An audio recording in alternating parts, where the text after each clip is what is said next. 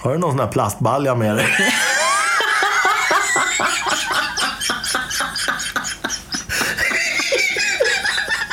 Som du har diskat ordentligt också. Trestegsdissning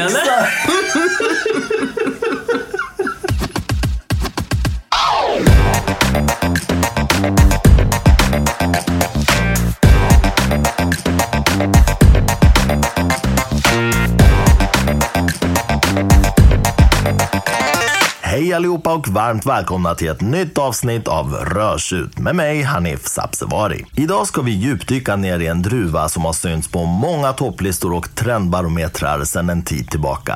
Nämligen Nerello Mascalese. Nerello Mascalese är en blå druva från Sicilien. Ordet Nerello betyder svart och druvan härrör möjligtvis från Etna och så som namnet antyder från byn Mascali i storstadsprovinsen Catania. Även om Kalabrien också har nämnts som en möjlig plats där druvan har sina rötter. DNA-analyser visar att Nerello Mascalese sannolikt är resultatet av en naturlig korsning mellan Sangiovese och Mantonico Bianco. Analyser visar även på släktskap med druvorna Galliopo Ciro Mantonicone och Caricante. Nerello Mascalese odlas främst på Etna men även på flera andra platser på Sicilien samt i Kalabrien och i Sardinien. Synonymer till Nerello Mascalese är bland andra Mascalese Nera, Mascalisi, Nerello Calabrese, Nerello Carbonaro, Nerello Nostrale, Nerello Paisano, Nioreddo och Nioreddo Mascalese. Druvan odlas under etiketten DOC Etna och mognar sent på säsongen. På vissa av de högst belägna vingårdarna på Etna skördar de så sent som i november. Druvan ger goda skördar, men den kan också drabbas av ädelröta och mögelsjukdomar. Nerello Mascalese blandas vanligtvis med Nerello Capuccio och ger ofta medelfylliga, medelsträva och rödfruktiga viner med hög syra, skön örtighet och en viss kryddighet. Typiska doftnoter är granatäpplen, jordgubbar, vildhallon, rosor, tranbär, körsbär, blodapelsin, charkuterier, stjärnanis, örter och så de mycket unika inslagen av järniga mineraler, rök och aska. För alla som föredrar elegans framför muskler och för alla som tycker om viner från Piemonte, Bourgogne eller den grekiska druvan Xinomavro är Nerello Mascalese ett naturligt val. Viner framställda på den här druvan går ofta bra ihop med fågel, kalv, lättare kötträtter, fisk, pasta, pizza och vegetariskt. Till dagens provning har jag tagit med tre flaskor av Levigne di Eli. Producenten bakom Levigne di Eli är Marco di Grazia som var en av de berömda Barolo Boys som startade revolutionen i Piemonte på 1980-talet. 2002 köpte han den mycket hyllade Tenuta delle Terre Nere på Sicilien. Och fyra år senare köpte han några gamla vingårdar, Feudo di Mezzo och Moganazzi Voltaciara på Etnas norra sluttning. Där skapade han Levigne di Eli. Namnet och vineriet är en hyllning till hans dotter Elena och en stor del av egendomens avkastning går till barnsjukhuset Ospedale Pediatrico Meyer i Florens. Totalt har Marco di Grazio idag 4,5 hektar som är planterade med Nerello Mascalese, Nerello Capuccio och Caricante på Etnas norra och östra sluttningar.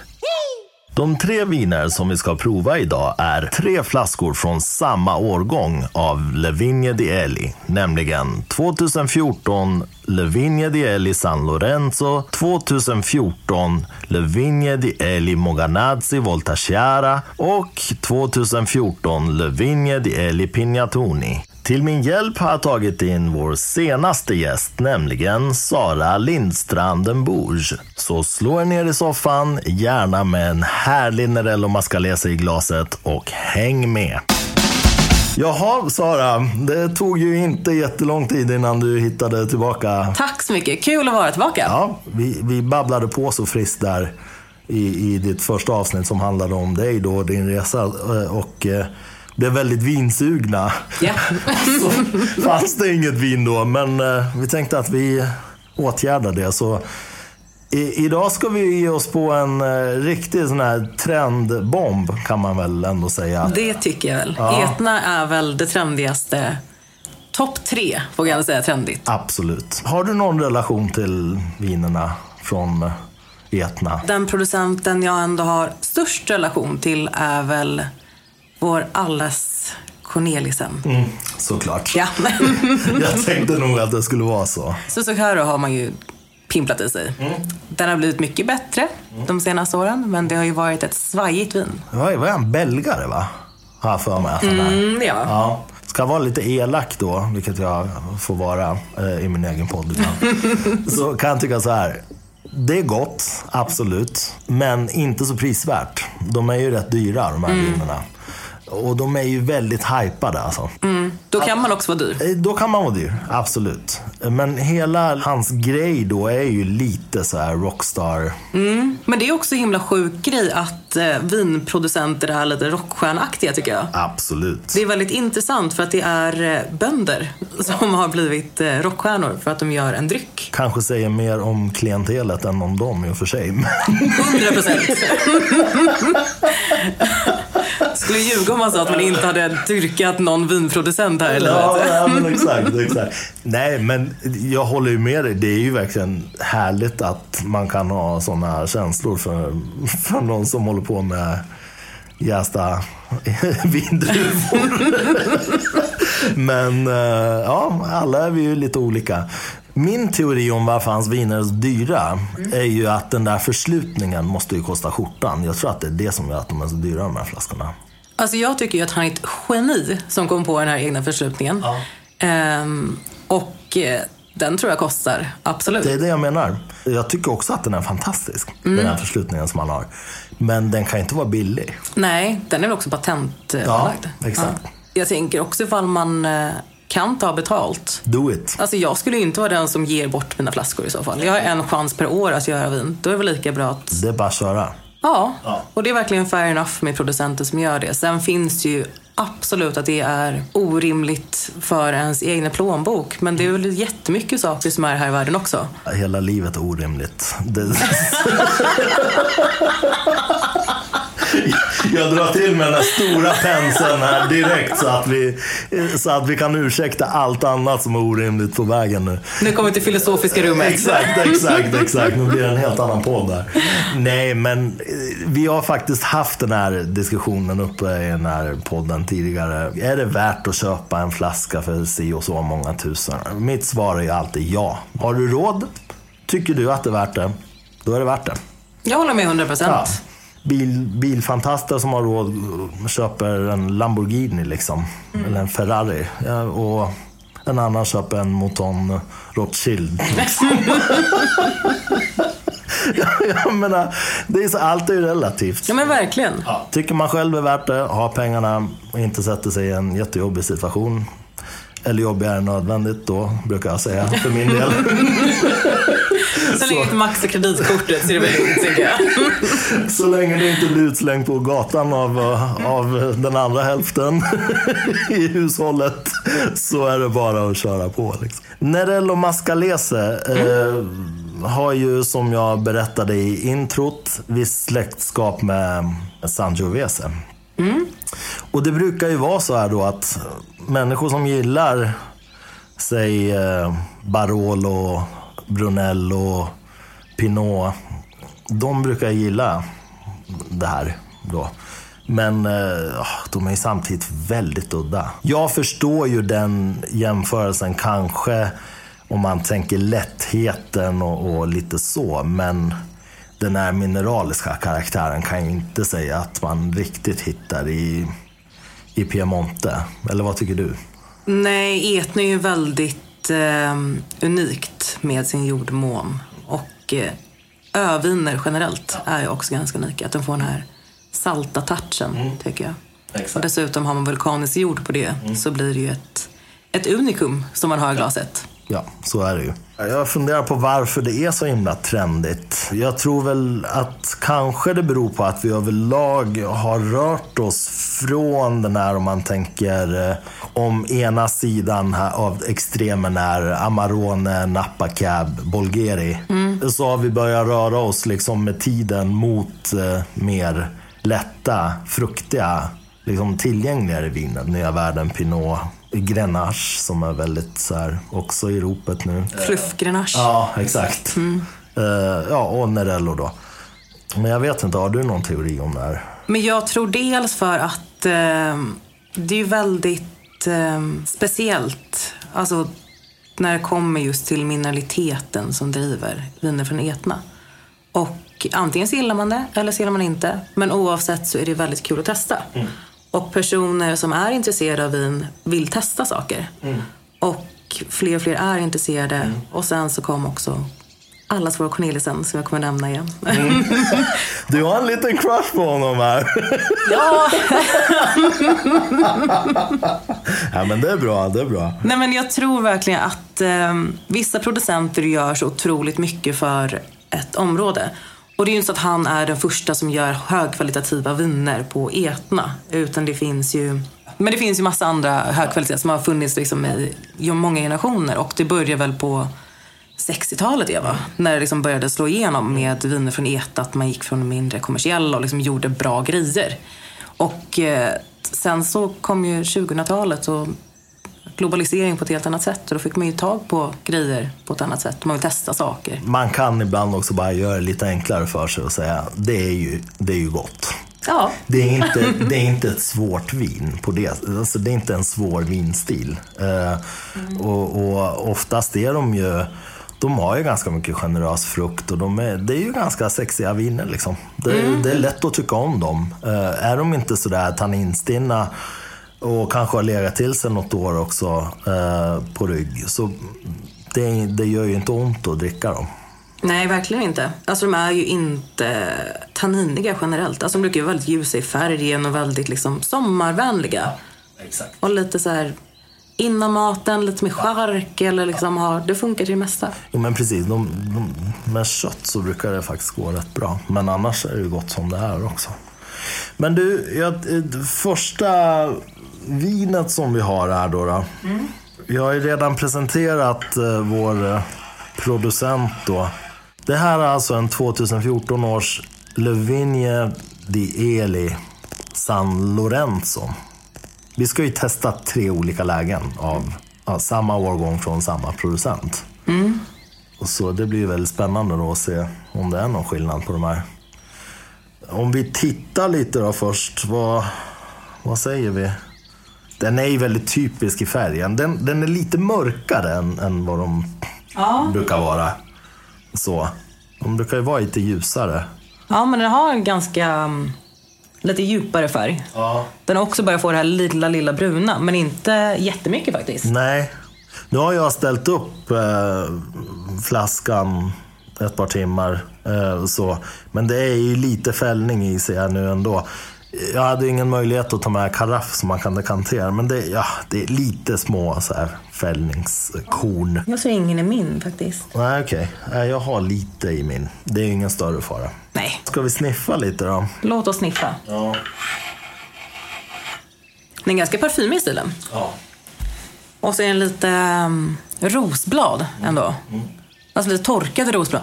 Lite nästan så här potpurri-känsla. Och det, där är ju släktskapet med Sangiovesen kanske påtaglig. Ja, för den har ju lite Sangiovese-känsla över sig på doften oh tycker ja. jag. Den har den här charkigheten också. Ja, väldigt parfymig. Ja, Den har ju några nässlor också. Du vet, typ så här brännässlor. men jag tycker också att det är ett ganska flörtigt vin. Alltså på doften. Att den har lite så här... Eh, den är lite hoppig utan att vara volatil på något sätt. Utan den är lite... Den svassar runt lite på något sätt. Jag Ja, gillar jag det. fattar. Och sen har den ju väldigt mycket av det här, ja men lyktstolpe liksom. ja men järnblod. Ja, ja men verkligen. Lyktstolpe har jag faktiskt inte hört någon gång. Nej okej. Det var- Kul. Har du slickat på, på en lyktstolpe någon gång? Det har väl alla barn gjort, tänker Ja, jag. absolut. Fastnar med tungan. En gång och aldrig mer. Inte som vuxen dock. Nej, nej då, då skulle man nog eh, kanske bli inlagd någonstans. Nej, det, då vet man bättre helt enkelt. Ja, Ja, men du, ska vi ta och smaka lite på det här då? men låt oss.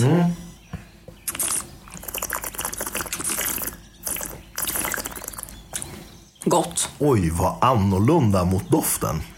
Det var inte alls vad jag hade tänkt mig. Den är ju väldigt parfymig i smaken också. Den är väl ganska lång ändå. Den är väldigt lång. Och har eh, väldigt fräsch syra som ändå är ja, men integrerad. Den kanske är lite, lite för hög tycker jag. Men den är ändå snygg. Den har något så här marsipanigt över sig. Alltså något så här bittermand, alltså mandel... Lite nötaktigt. Exakt, ja, exakt. Ja. Som är lite bittert också. Så här, den har lite så här beska. Jag tycker den har det här, alltså tanninerna är också så himla småkorniga och dammiga. Tycker jag är jättefint. Verkligen.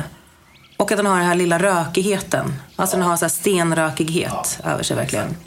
Men har typ som en vulkan. Ja, men exakt. Askkoppen här. Ja.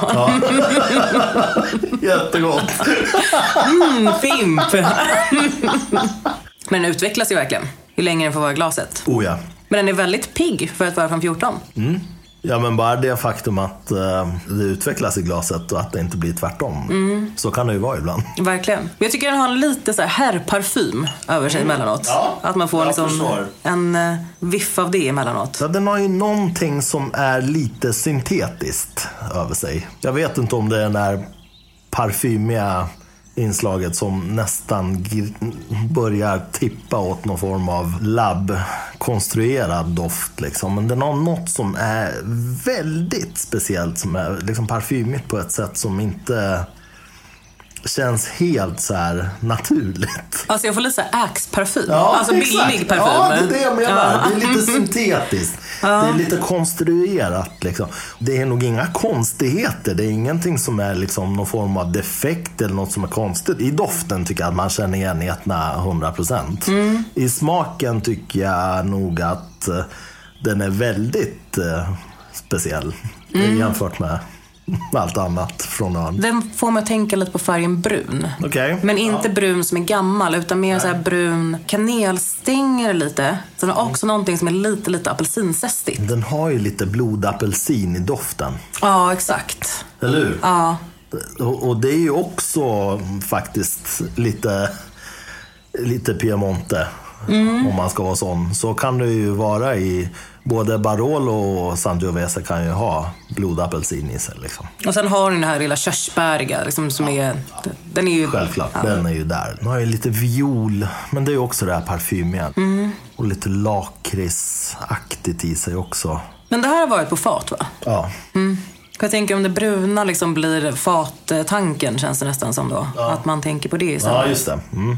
Doften eh, för mig är bättre än smaken. Smaken är ju, det är inget fel på den. Men eh, doften är sådär mitt i prick. Den är ju superuttrycksfull på näsan. Medan den kanske inte är lika uttrycksfull på paletten. Nej, exakt. Och det är nästan som det är en liten, det känns som det är en liten alkoholpust som man får kanske efteråt. Den är ett alkoholstinn i eftersmaken. Man får ju också den här um, djupa mörk choklad, kakao, liksom känslan. Den, är ju, den har ju lite av den bitterheten liksom också. Väldigt rolig på näsan. Och det var väldigt kul att dricka den här blint. Ja, det hade varit kul. På näsan hade man nog kanske satt den om man hade haft eh, vulkanvinerna aktuellt. Jag hade nog inte satt eh, den här tror jag. Min första spiff hade liksom varit Sangiovese, Ja. Eh, Chianti, kanske Palma. Jaså, ja. Jag hade nog kanske hamnat i Piemonte, men jag hade tyckt att det är skumt. För jag hade, inte, jag hade känt att det är alldeles för hög mineralitet och en mineralitet som är off. Liksom. Det, det där järniga, blodiga är inte riktigt så mycket. Jag tycker viner från Piemonte ofta brukar ha det här färg från Piemonte. Alltså det är liksom, den tycker jag alltid ligger som första och sen så är man, då är man hemma. Då vet man vart man ska. absolut. Och färgen också helt off för det. Ja, färgen hade man nog också kanske lurats av. För den är ju, den är ju mörk alltså. Ja. Så här mörk eh, Etna har nog inte druckit. Vad jag kan minnas. Eh, Den behöver lite mer tid. Alltså den är liksom i mellanfasen just nu. Den här håller nog fem år till i alla fall. Däremot kan ju frukten bli ganska fadd om några år. Mineraliteten och de här aromerna bara totalt tar över och frukten börjar blekna bort. Jag tycker ändå man får väldigt mycket av allting just nu. Speciellt på näsan. Superuttrycksfull medan på paletten ser den ju kämpa på liksom. Exakt. Bra jobbat, kom igen. Men det, så här, det finns tannin, det finns lite kropp, det finns lite syra. Och sen eh, händer inte så mycket mer. Nej, jag håller med. Alltså som sagt, i näsan super, super härlig. Eh, på tungan var den, ja, ja, ja. Sådär. Det skulle passa att matcha med så mycket mat. Alltså det är väldigt eh, komplativt för att den har tannin och syra. Skärkbricka till det här så hade man ju varit hemma. Verkligen. Så enkelt. Ja, man behöver inte göra så knussligt med den här känslan. Men du, kul. Ska vi gå vidare till nästa eller? Ja, men låt oss. Det här vinet då, samma årgång då, 2014, samma producent. Levinia Deli Moganazzi Volta Schiara Etna Rosso, 2014. Ganska lik, lite mindre lila typ. Den andra hade ju någon så här lite lila ton i sig. Den här är väl lite rödare. Ja, den här börjar ju gå lite mer mot tegel också. Ja, absolut. Men den andra var ju, den var åtta år. Det var ändå en yppig färg alltså. Ja, och den var inte så här genomskinlig som den här är. Den Nej. här är ju faktiskt helt genomskinlig. Den har ju börjat tappa lite och förutom på doften, alltså den är ju väldigt mycket mer komplex på näsan tycker jag. Vi ska se den. Jag har inte doftat. Oj! Ja, helt annat. Ja, Helt annat. Den är mycket mer tertiär än den andra. verkligen. Den här har ju nästan börjat gå mot lite balsamiska. Lättstickiga balsamico. Ja, det tycker jag verkligen. Jag tycker att den här har en annan typ av rökighet på sig. Att det nästan, för mig, jag hittade mer i den här i jämförelse med den andra. Den här har mognat mycket mer. Den här har lätt eh, oxidativa inslag. Liksom. Det hade inte den andra. Nej, Den andra var ju fräschare liksom, på något vis. Den här har ju åldrats mer helt enkelt. men den här är snygg.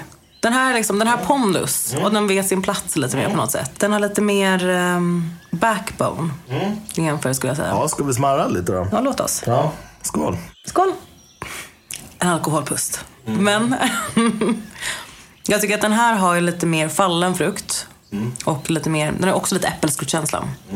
Exakt. Ehm, alltså lite oxidativt. Ja, eh, exakt. exakt. Den har ju det här oxidativa. Oxiderade äpplen liksom. Och så känner man liksom gamla fat som finns där runt omkring. Också den här ganska, den lägger sig väldigt mycket på mitten av paletten tycker jag. Alltså mitt på tungan. Den har ju lite det den förra saknade. Eller hur? Den hade ju lite mer... Jag tyckte den var lite mer direkt och sen försvann den. Den här har ju ändå en mellanlandning. Verkligen. Men i och med att den har mognat en del så har den ju kanske inte den här direkt in your face första landningen liksom som den förra hade. Men eh, mm, väldigt annorlunda. Det är ju värt att betona det du säger. Det är 14,5% alkohol i bägge de här hittills. Det är rätt mäktigt alltså. Det blir en liten shot. Det blir en shot, eh, nästan... eh, En liten shotbricka. Nivå 22.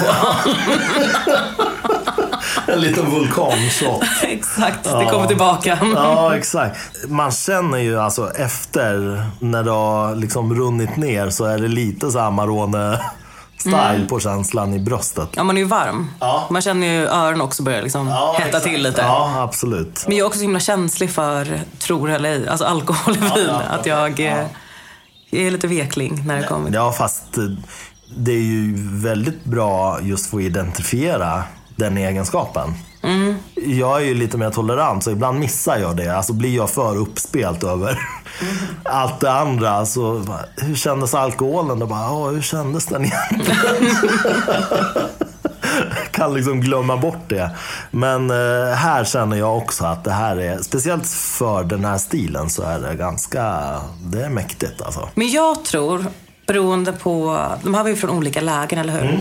Jag tror att den här kom från lite svalare lägen ändå. Ehm, och kanske lite närmare kusten. Det här får bli en uppgift för lyssnarna att googla fram och få se om vi har rätt och så får ni Skälla på mig ett tag. Höra av er. Nej men du kan ha rätt. Men om vi ska prata färger då. Jag tycker den känns mörkare.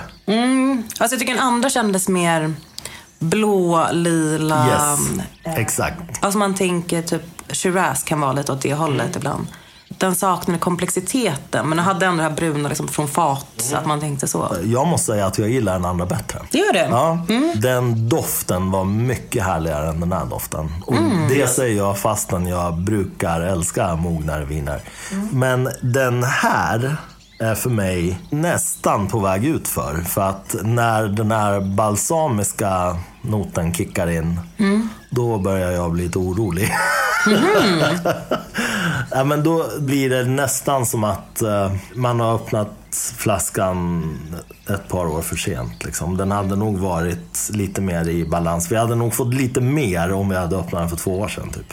Mm. Den vi drack innan tyckte jag nästan var lite doft som sniffade upp lite då och då. Medan den här känner jag att doften är lite mer integrerad. Jag kan känna att det är allting, det är olika lager på ett annat sätt.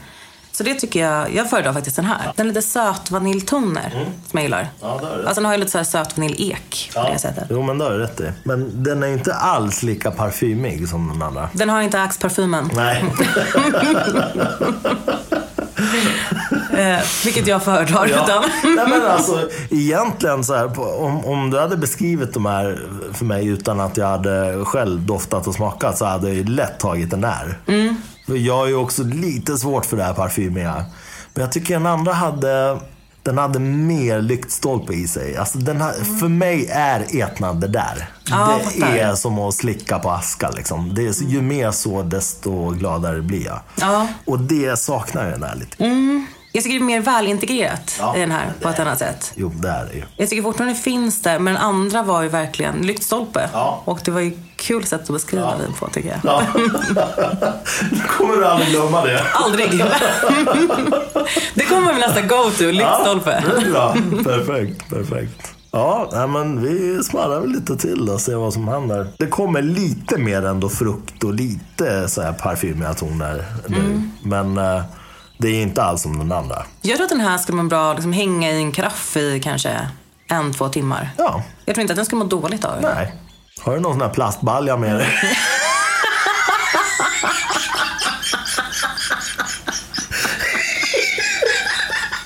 Som du har diskat ordentligt också. Trestegsdiskningen. Exakt.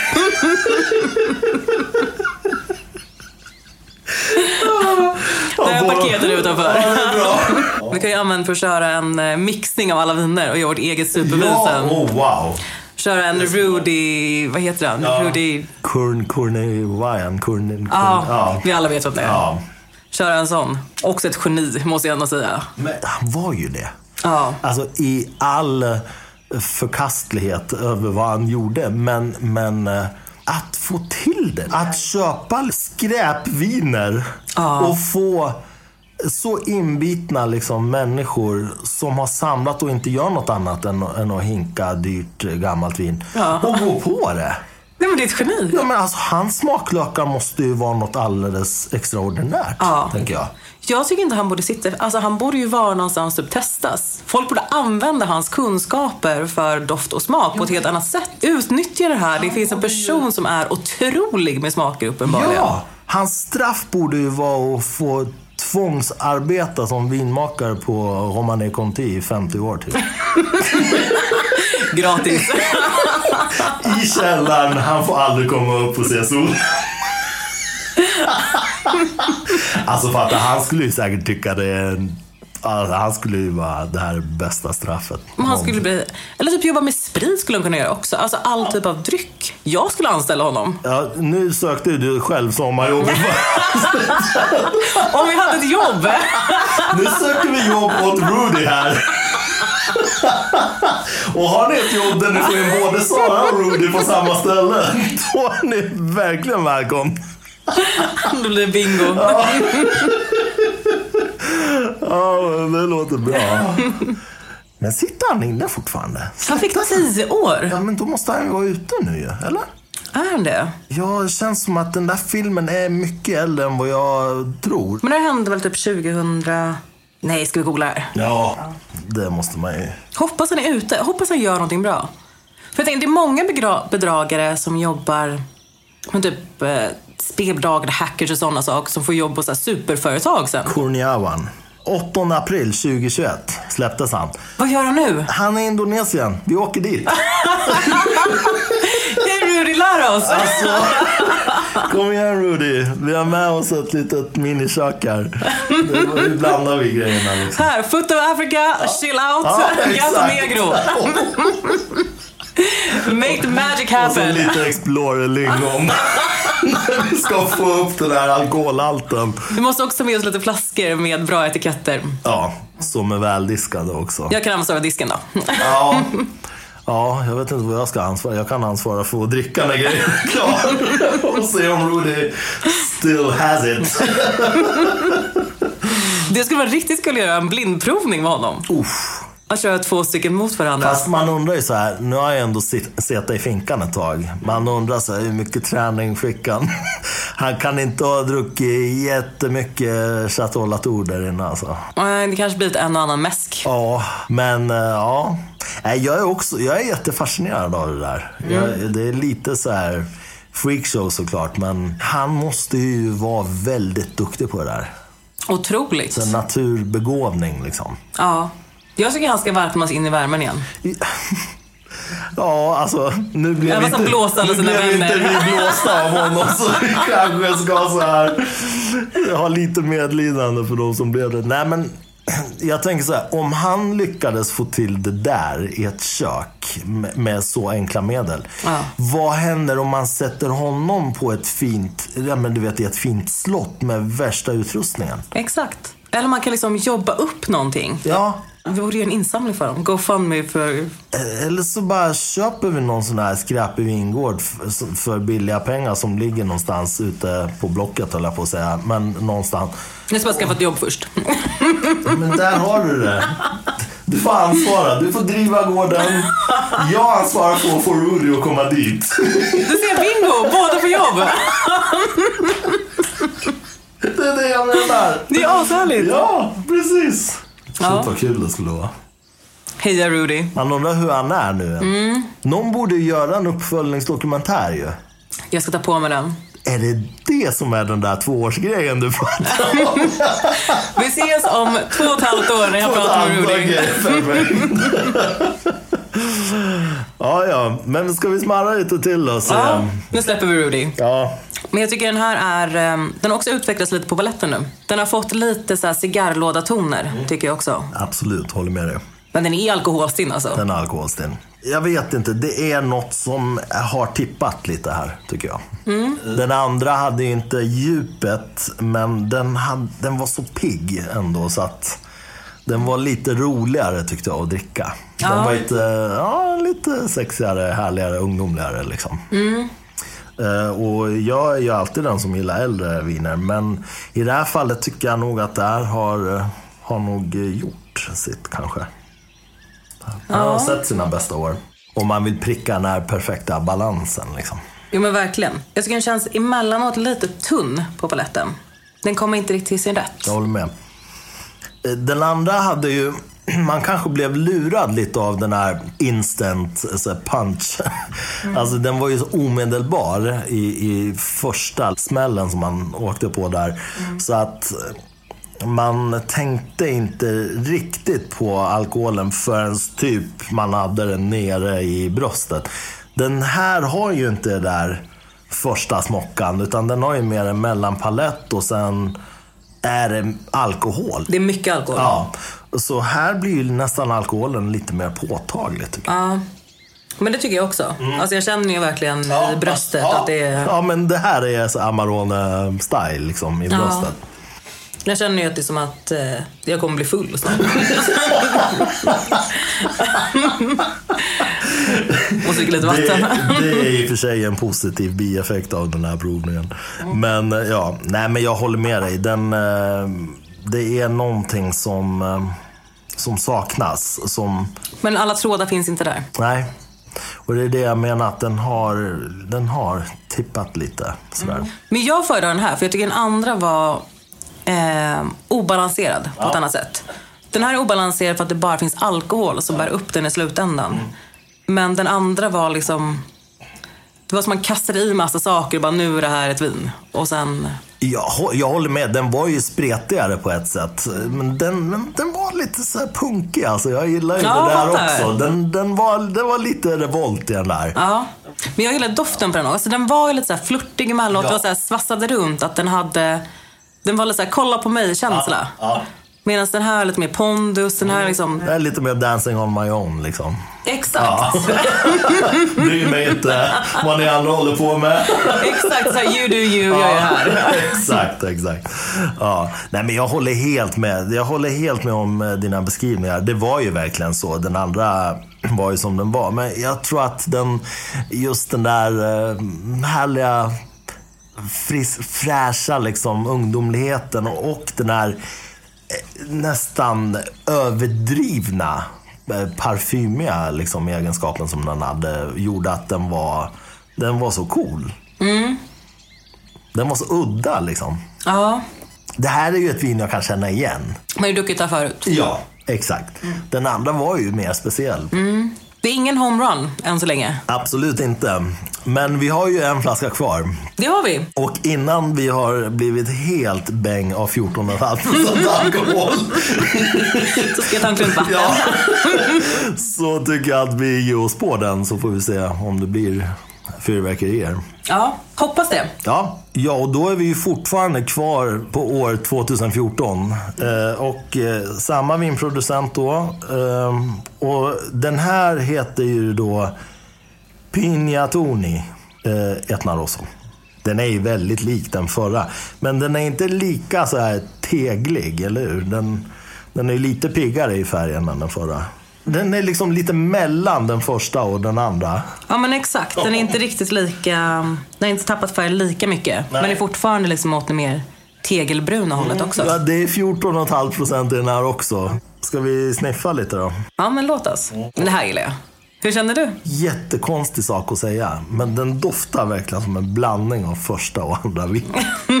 den har det där, den är inte alls lika parfymig som den första, men den har de här nässlorna, brännässlorna, den har de här rosorna, blodapelsinen, men den har också mognaden från den andra. Utan att de- den här balsamiska liksom, noten har kickat in för mycket. Den finns lite där, men här är den skön. För att här är den liksom... Det här är nog bra tillfälle att plocka den här tror jag. Den har också här lite oxidativ i stilen. Ja, exakt. Jag är lite så här varm i själen när jag doftar på den här. Jag kan inte riktigt förklara varför. Men att jag känner mig lite, lite glad av att dofta på På den. doften är den den klart mest balanserade av de tre. Här har vi allting. Vi har första delen i doften. Vi har det som kommer sen bakom. Och den är inte alls lika alkoholstinn i doften som de andra. Nej, den, känns lite, den här känns mer elegant i jämförelse med de andra två. Ja, den har ju inte lika mycket lyktstolpe då som den första. Men det finns där. Däremot har den ju mycket mer så här krossade hallon. Den har lite mer färsk frukt. Ja, exakt. Ehm, och att den har liksom röda bär. Alltså hallon, men också lite körsbär. Ja, och faktiskt jordgubbar också. Ja. Men mörka körsbär. Ja, den har ett granatäpple typ också, du vet. Ja, verkligen. Ja, Verkligen. alltså den här är ju så här skolbok etna. Den här tycker jag är supersnygg. Ja, alltså om man tänker fruktigheten. Första var ju skolboketna för den här mineraliteten som den hade och järnigheten. Men den här är ju helt klart mest balanserad i doften. Ja. Ska vi smaka lite? Låt oss. Mm. Där kom gåshuden. där, där satt den. Mm. Så här ska du smaka. Det här var gott. Det här var gott.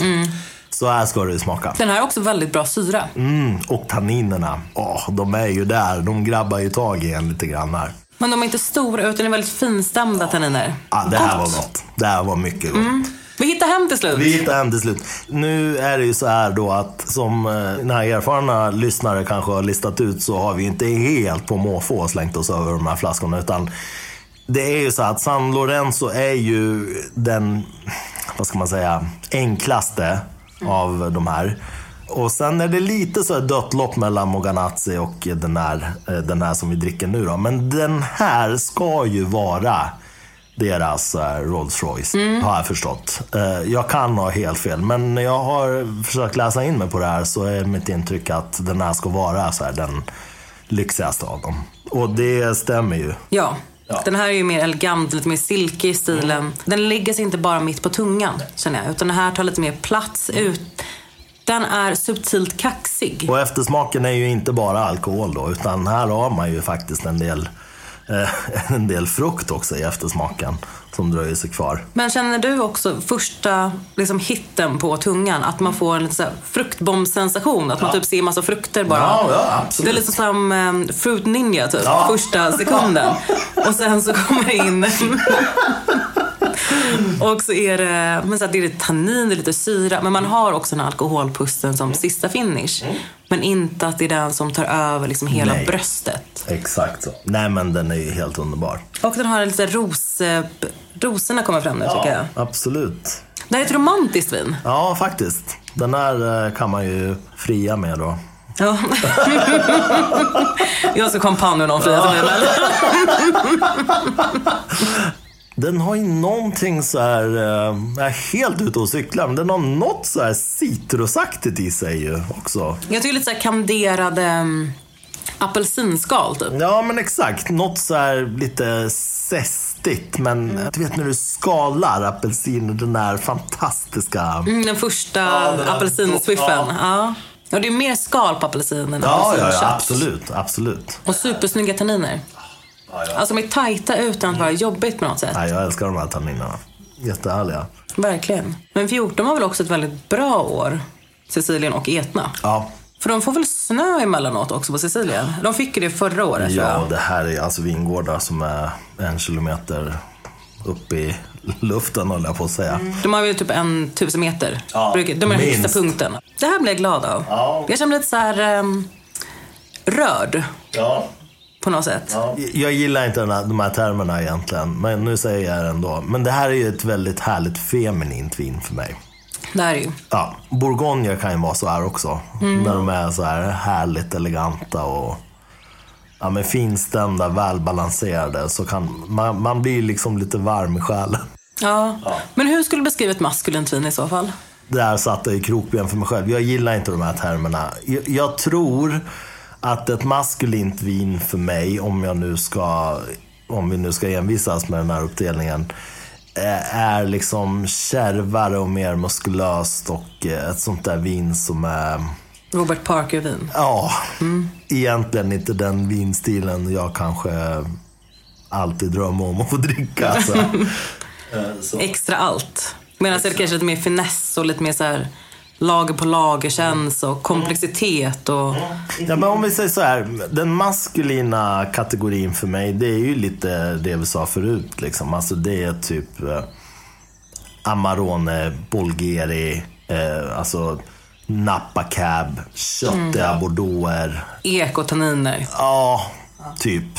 Men samtidigt, det är ju också de där som är underbara 50 år senare.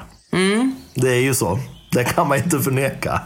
Nej. Eh, och där ligger ju de här eh, damerna lite eh, pyrt till då. För de, de håller inte så länge. Men det är ju, det här är inte menat för att hålla så länge. Eller det här ska man ju... Men jag tänker i så fall att de maskulina vinerna blir ju feminina sen i slutändan. Ja. Man behöver ju tannin, man behöver ju alkohol, man behöver liksom mycket. Exakt.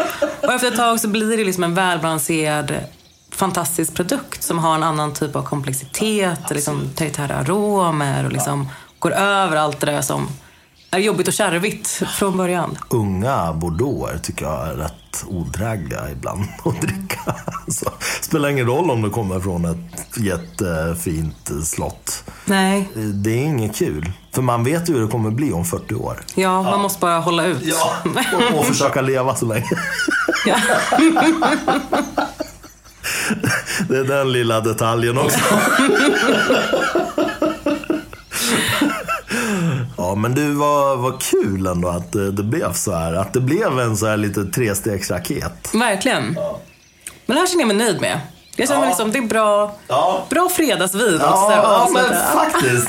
Man hade ju varit lite besviken om det här inte hade levererat nu. För då hade det varit så här, ja men alltså okej det var väl kul men det var ju inget som var så wow. Exakt. Ja. Nu är man liksom trampat lite och så Nu är man nöjd. Ja. Ja, ja. men det är kul. Det är kul att vi är eniga också. Alltså, av de här tre är ju det här helt klart favoriten. Mm. Och vill man då smaka det här, som vi smakar precis, så kan man ju hitta, nu vågar inte jag garantera att man fortfarande kan hitta allting, men jag köpte alla de här tre flaskorna på Philips on Wine. Ja, jag gjorde en jättestor beställning där på gamla Nya Världen Pinoter och sen så hittade jag de här och tyckte att Nej, men det här måste jag ju testa. Ja. Jag tror de här finns på Winefinder också. ja, just det. Det finns de. Ja, men de skickar ju också från Danmark. Ja. Det, det är så här, ja, alla, ja men precis. Kolla, Winefinder eller Philips on Wine. Jättesmidigt, levereras hem till dörren. I alla fall där jag bor. Eh, superduktiga och allt funkar som det ska. Så det är bara att kolla där ifall man vill göra om det här hemma. Det skulle vara så kul om det är någon som provar de här samtidigt som vi provar. Ja, ibland är det faktiskt lyssnare som har gjort. Så här, testat de vinerna som jag har provat här. Gud vad roligt. Ja, jag vill veta allt. sig. Då vill jag veta allt. Absolut. Eh, är det några som testar de här, hör av er. Hör jättegärna av er. Vi är faktiskt jättenyfikna. De gånger lyssnarna har hört av sig och, och testat eh, samma flaskor, eller likadana, så har vi varit väldigt överens. De har varit så här, ja det var verkligen sådär, vi tyckte också så liksom. Eh, man, man längtar efter den här gången när någon hör av sig och bara, hur tänkte ni där? skulle ju vara jättekul. Ja. Så ja, vill ni få tag i dem, kolla på Philipson Wine eller Winefinder då. För att sammanfatta det då. Förutom det andra vinet, den Moganazzi, så tycker jag nog den första och den här tredje var ju väldigt representativa för Etna. Om man tänker liksom den här järnigheten. Men det är ju inte som alla andra Etna-viner man har druckit. Nej, och framförallt att de är så mörka. Ja, exakt. Alltså det är en annan typ av um, maceration som har skett här, tänker jag. Mm. Det är också en ganska, alltså en druva som inte brukar ge så mörka viner. Nej men exakt. Så det är ju väldigt intressant. Mm. Jag vill så gärna veta hur de här vingårdslaggarna är. Jag tror att den här är högst upp.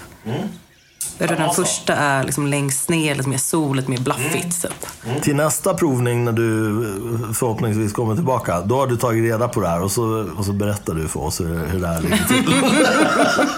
Jag ska googla loss det första jag gör du strax. googlar loss. Så kommer jag med Rudy. Ja, men det... Rudy kan bli ljudtekniker här på Rörsut. Han kan få spela in alla avsnitt. Och, och blanda lite sköna Gato Negro och chill out i, i bakgrunden. Ja. Får se vad han får till. Du har gjort det bra. Ja, han hade säkert fått till någonting kul. Sammanfattningsvis då, eh, igen. Eh, alltså, Nerello Mascalese är ju en otroligt speciell druva, tycker jag. Man, man förstår ju varför han har köpt de här, de här gårdarna. Men går inte också allt överskott typ till behov, barn i behov eller någonting sånt också? det är ju så. För hela det här är ju som sagt en hyllning till, till hans dotter då. Men han är ju en cool vinmakare. Han var ju en av de här Barolo Boys också. Exakt. Det är ju så. så eh, Han har levt. Han har levt. Han tycker nog att det är kul med någonting som sticker ut. Eh, Han är inte så mycket för tradition. Och det känns som att hela Etna, alltså hela Nerello Mascalese-svängen är lite sådär. Alltså, är det inte så? Jag menar Cornelissen är också en punkare som bara kom in som en stjärna och bara gjorde helt, helt annat. Jag tänker också att det är så island people. Ja, absolut. Att det är en mix av de två kanske. Ja, absolut. Jag, jag tror att liksom hela den här etna hysterin beror lite också på att det är kul. Alltså. Man vet ju inte riktigt vad det är man kommer få när man öppnar en flaska. Det är ju en ny upplevelse. Det är en ny upplevelse. Och nu ska jag ju säga någonting som kanske är, lite så här nedvärderande. Men jag tycker att det är jättehärligt. De här vinerna, det är de bästa pizzavinerna som finns. Gud, jag stålsatte mig verkligen vad skulle säga för någonting. Nej men alltså helt seriöst. Det slår inte fel. Testa, nå- testa en sån här skön mozzarella-baserad pizza med en sån här. Det är match made in heaven. Jag tänkte också på att det skulle vara supergott. Ja, vi kommer ju beställa en pizza snart och sörpla i oss alla de här tre flaskorna. Allt vi har kvar. Nu är det bara att köra. 14 procent. Ja, ja, 14 och ett halvt till och med. Ja. Ja, nej, men det, det är verkligen så. Alltså, otroligt gott till pizza. Det känner man ju. Ja. Jag kan tänka mig just tomaten också. ja, exakt. Man eh, vill ha det här till någon tomat, varm tomat. Kan jag också tänka mig pasta med tomatsås. Ja, ja, absolut. Klassiska italienska rätter ska jag Ja. tänka mig att det funkar bra till. Lokalt men lokalt. Och gärna lite fettigt, så att det har ju också alkoholen och sådana saker. Den eh, lilla mängden alkohol. Ja, nära ett starkvin. Ja men du Sara, gud vad kul. Eh, Alltså, tusen tack för att du ville ställa upp eh, igen. Och, och eh, alltså så himla kul att ha en så här kunnig person som du är med här. Och fantastiskt liksom. Och jag är glad att vi landade i en bra flaska till slut. Verkligen, så kul att få komma. Det här var så roligt. Ja, du är varmt välkommen tillbaka när du vill. Tusen tack. Sköt om dig och till lyssnarna, fortsätt undvika att dricka boxvin som ni vet, som vi alltid säger i den här podden. Annars kommer böter på posten. Och sköt om er, ha det bra, så hörs vi snart igen. Hej då! Hej då. Ni trodde att det var slut. Det var inte slut.